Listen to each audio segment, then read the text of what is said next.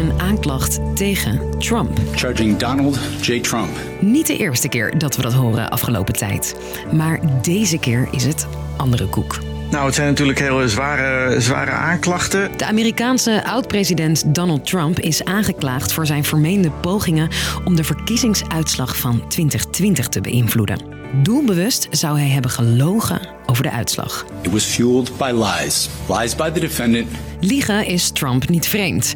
De krant The Washington Post telde tijdens zijn presidentschap 30.573 leugens.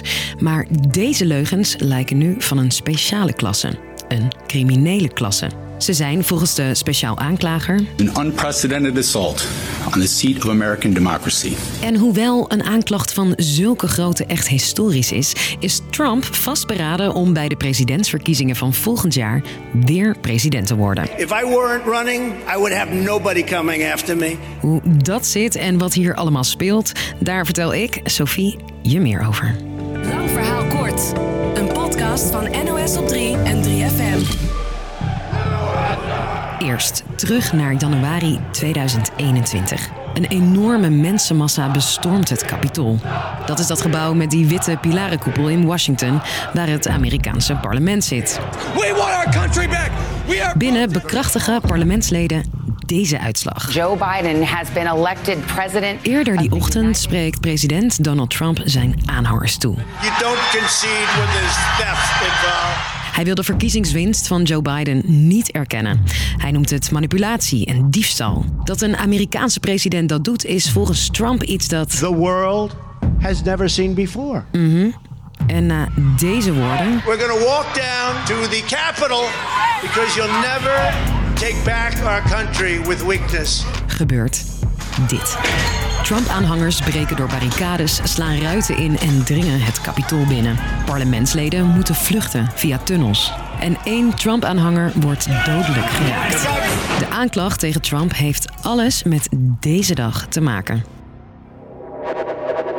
En misschien denk je wel, er lopen toch al wat zaken tegen Trump voor het betalen van zwijgeld aan een pornoactrice en voor het meenemen van geheime documenten uit het Witte Huis. boxes with classified documents. Maar deze nieuwe aanklacht is de grootste van allemaal. Er staat in dat Trump vastbesloten was om aan de macht te blijven. We will never give up. In plaats van netjes de macht overgeven, zoals dat gewoonlijk gaat, bleef hij volhouden dat hij de verkiezingen gewonnen had. Die beweringen waren, al dus de aanklacht, onjuist en Trump wist dat ze onjuist waren.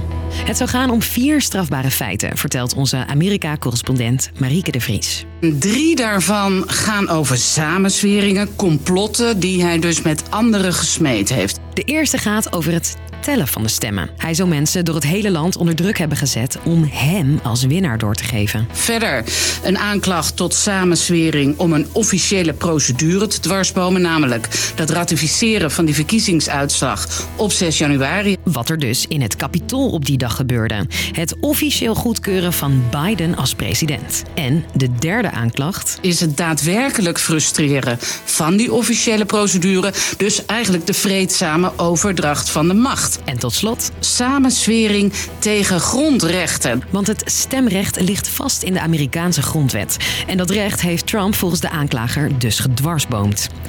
Trumps reactie op de aanklacht? Hij spreekt van een heksenjacht die volgens hem doet denken aan Nazi-Duitsland. Een aanklacht als deze is nooit eerder gebeurd. Ook deze, onder deze aanklachten kan hij zomaar eh, 20 jaar eh, cel krijgen. Dat zegt Kenneth Manusama. Hij is jurist en Amerika-deskundige. Maar eh, tegelijkertijd is Trump ook bezig met een campagne, want hij wil weer de Republikeinse presidentskandidaat worden. Tonight announcing my candidacy for President of the United States. Ondanks de komende rechtszaak kan hij ondertussen gewoon campagne blijven voeren. En niet alleen dat, Hij kan zelfs tot president worden verkozen. Maar goed, als hij dat eh, van achter de tralies zou moeten doen... dan hebben we natuurlijk wel een grote eh, constitutionele crisis aan de hand. Maar voordat we daar zijn, moet hij eerst verkozen worden. En allemaal rechtszaken aan je broek.